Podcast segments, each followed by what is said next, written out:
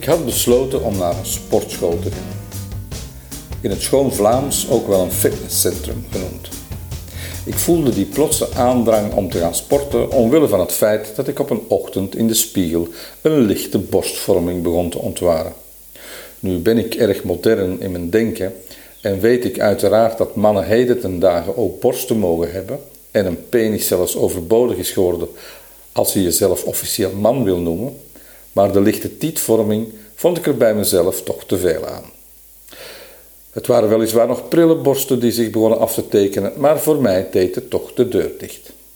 En dus toog ik naar Malaga op zoek naar een sportschool die me opnieuw het strakke lijf kon schenken dat ik zo'n 38 jaar geleden had verlaten, toen ik mijn dagelijkse fysieke training had ingeruild voor het liederlijke leven van journalist.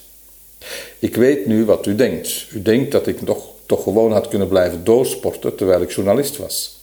Maar dat is buiten de sfeer van redacties in het midden van de jaren tachtig gerekend, waar de landschapsbureaus de hele dag blauw stonden van de rook, de hoofdtracteur een goede fles whisky in zijn schuif had zitten en de redactie de trap van de nooduitgang aan de buitenkant blokkeerde met bakken Jupiler, zodat het bier altijd koud stond.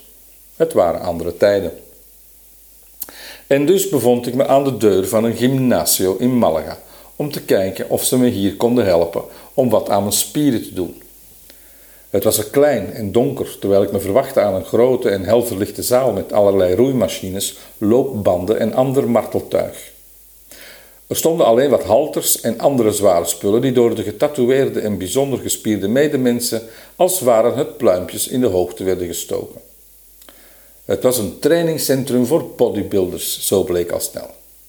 Er stond ook een hele grote kast waarin potten met allerlei supplementen stonden die blijkbaar nodig zijn bij de edele sport van het lichaamsbouwen. Ze verkochten er ook bruin getinte olie die je lichaam doet glinsteren, zag ik.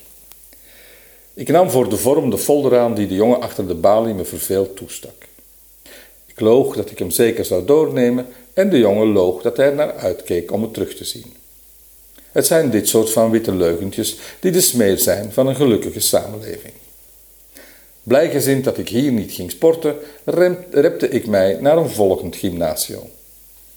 Dat bleek een erg luxueuze zaak te zijn, waar ik niet alleen zou kunnen sporten, maar ook een programma op maat kreeg, met een persoonlijke trainer aan mijn zijde, met cryotherapie in een futuristisch uitziende, eivormige machine, waarvan je het koud kreeg en met een prijskaartje eraan verbonden, waarvan ik het nog kouder kreeg waardoor ik spontaan verstrakte, zodat mijn spierweefsel inderdaad al wat werd getraind. De vriendelijke en enorm afgeborstelde man achter de balie wees me erop dat dit geen gymnasio was, maar wel degelijk een Health Performance Institute in het bezit van de meest geavanceerde technologie. De health coach zou eerst een 3D bodyscan van mijn lichaam maken, gevolgd door een epigenetische health test waarbij ze een hoofdhaar zouden nemen om de gevolgen van het milieu op mijn genetica te onderzoeken. Of een, uh, of een baardhaar, voegde de man er snel aan toe, want hij wilde mij en mijn kale lotgenoten natuurlijk niet schofferen. Een mens moet tegenwoordig op eieren lopen, want voor je het weet heb je qua een minderheid beledigd. Het hele pakket kostte een arm en een been, en dat is natuurlijk net niet wat je wil verliezen in een gym. En dus nam ik weer beleefd een foldertje mee en verzekerde ik de man dat ik zeker nog contact zou opnemen. We wisten alweer allebei dat het een leugen was, maar zo leefden we beiden toch even in de illusie dat we onze tijd niet hadden verdaan. Vier fitnesscentra en evenveel, we houden contact. Leugentjes later kwam ik eindelijk een trainingszaal tegen die me vertrouwd leek. Met toestellen die ik kende, gewichten die me doenbaar leken, zaaltjes waar ze in klassikaal verband lessen spinning en boksen gaven en vooral redelijk normale mensen die een keertje niet van kabels van spieren voorzien waren en niet de helft van de tijd in de spiegel stonden te kijken naar hun eigen anatomie. Ik nam meteen een abonnement voor een maand en startte met het langzamere werk op de stepmachine, waarbij ik ook nog eens live naar het tennis kon kijken.